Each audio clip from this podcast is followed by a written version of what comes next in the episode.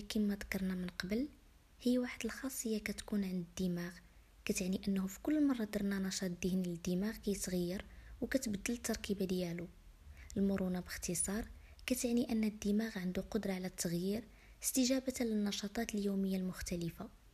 ولكن كيفاش حتى الدماغ كيقدر أنه يكون واحد المرونة عصبية أو بالأحرى؟ كيفاش كيوقع ليه التغيير والتعديل؟ بقاو معايا في هذه الحلقة.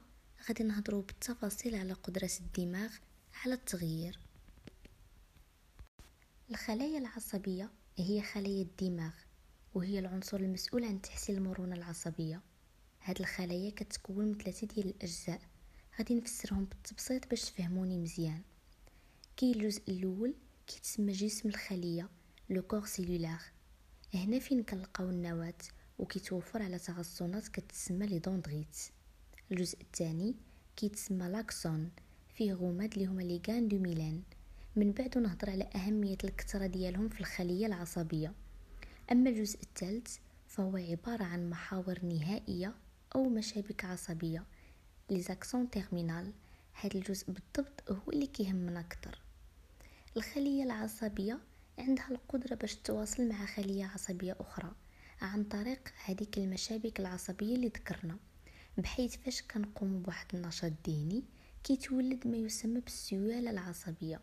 هاد السياله كدوز عبر لاكسون اللي نعتبروه بحال شي خيط طويل وهاد السياله هي عبارة عن رسالة اللي باغي الدماغ يوصلها لكافة الخلايا العصبية.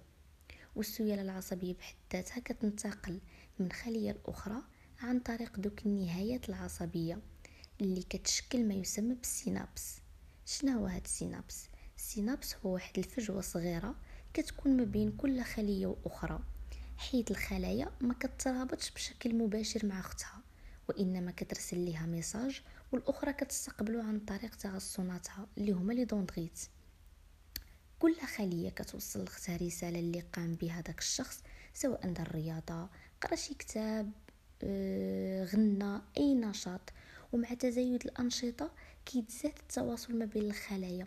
donc كترتفع المرونة العصبية automatiquement العالم اللي اكتشف هذا التواصل هو رينارد جان مدير في معهد ماكس بلانك للكيمياء الفيزيولوجية.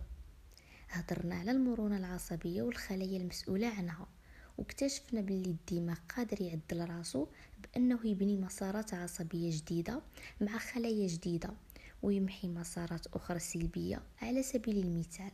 هكذا الدماغ غادي يبقى في حالة نشاط ويساعد الشخص يحسن من شخصيته.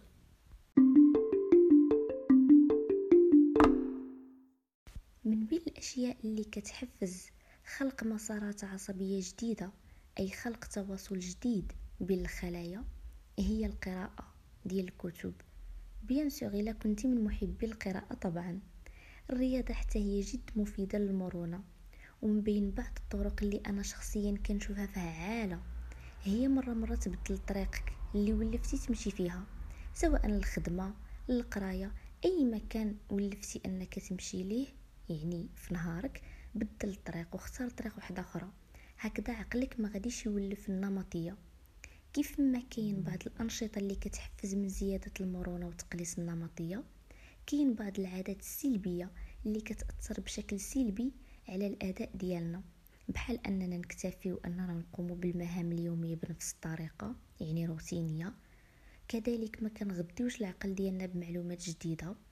ما كندخلوش عقلنا في تحديات ومهام شاقة اللي كتطلب التركيز والإبداع.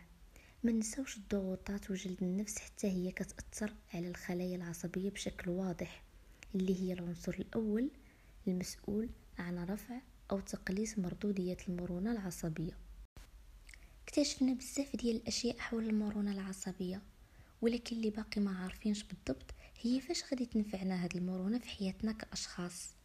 في كل مرة كنتعلموا أمور جديدة فإننا كنحفزوا الدماغ ديالنا على تشكيل مسارات عصبية جديدة وكنعودوا أنه ينظمها مما كيؤدي لطريقة تعامل الدماغ مع الأمور وتنظيم المعلومات الشي اللي كيخلي الشخص المرونة ديالو طالعه كيكون مبدع. ودماغه كيبقى نشيط وفي حالة شباب حتى مع تقدم السن. وكيكون الشخص أقل عرضة لبعض الأمراض مثل الزهايمر تلف بعض أجزاء المخ جلطات دماغية وزيد وزيد كيرجع على العكس الدماغ كيولي مبدع مبتكر والتركيز ديالو عالي حتى مع مرور السنين.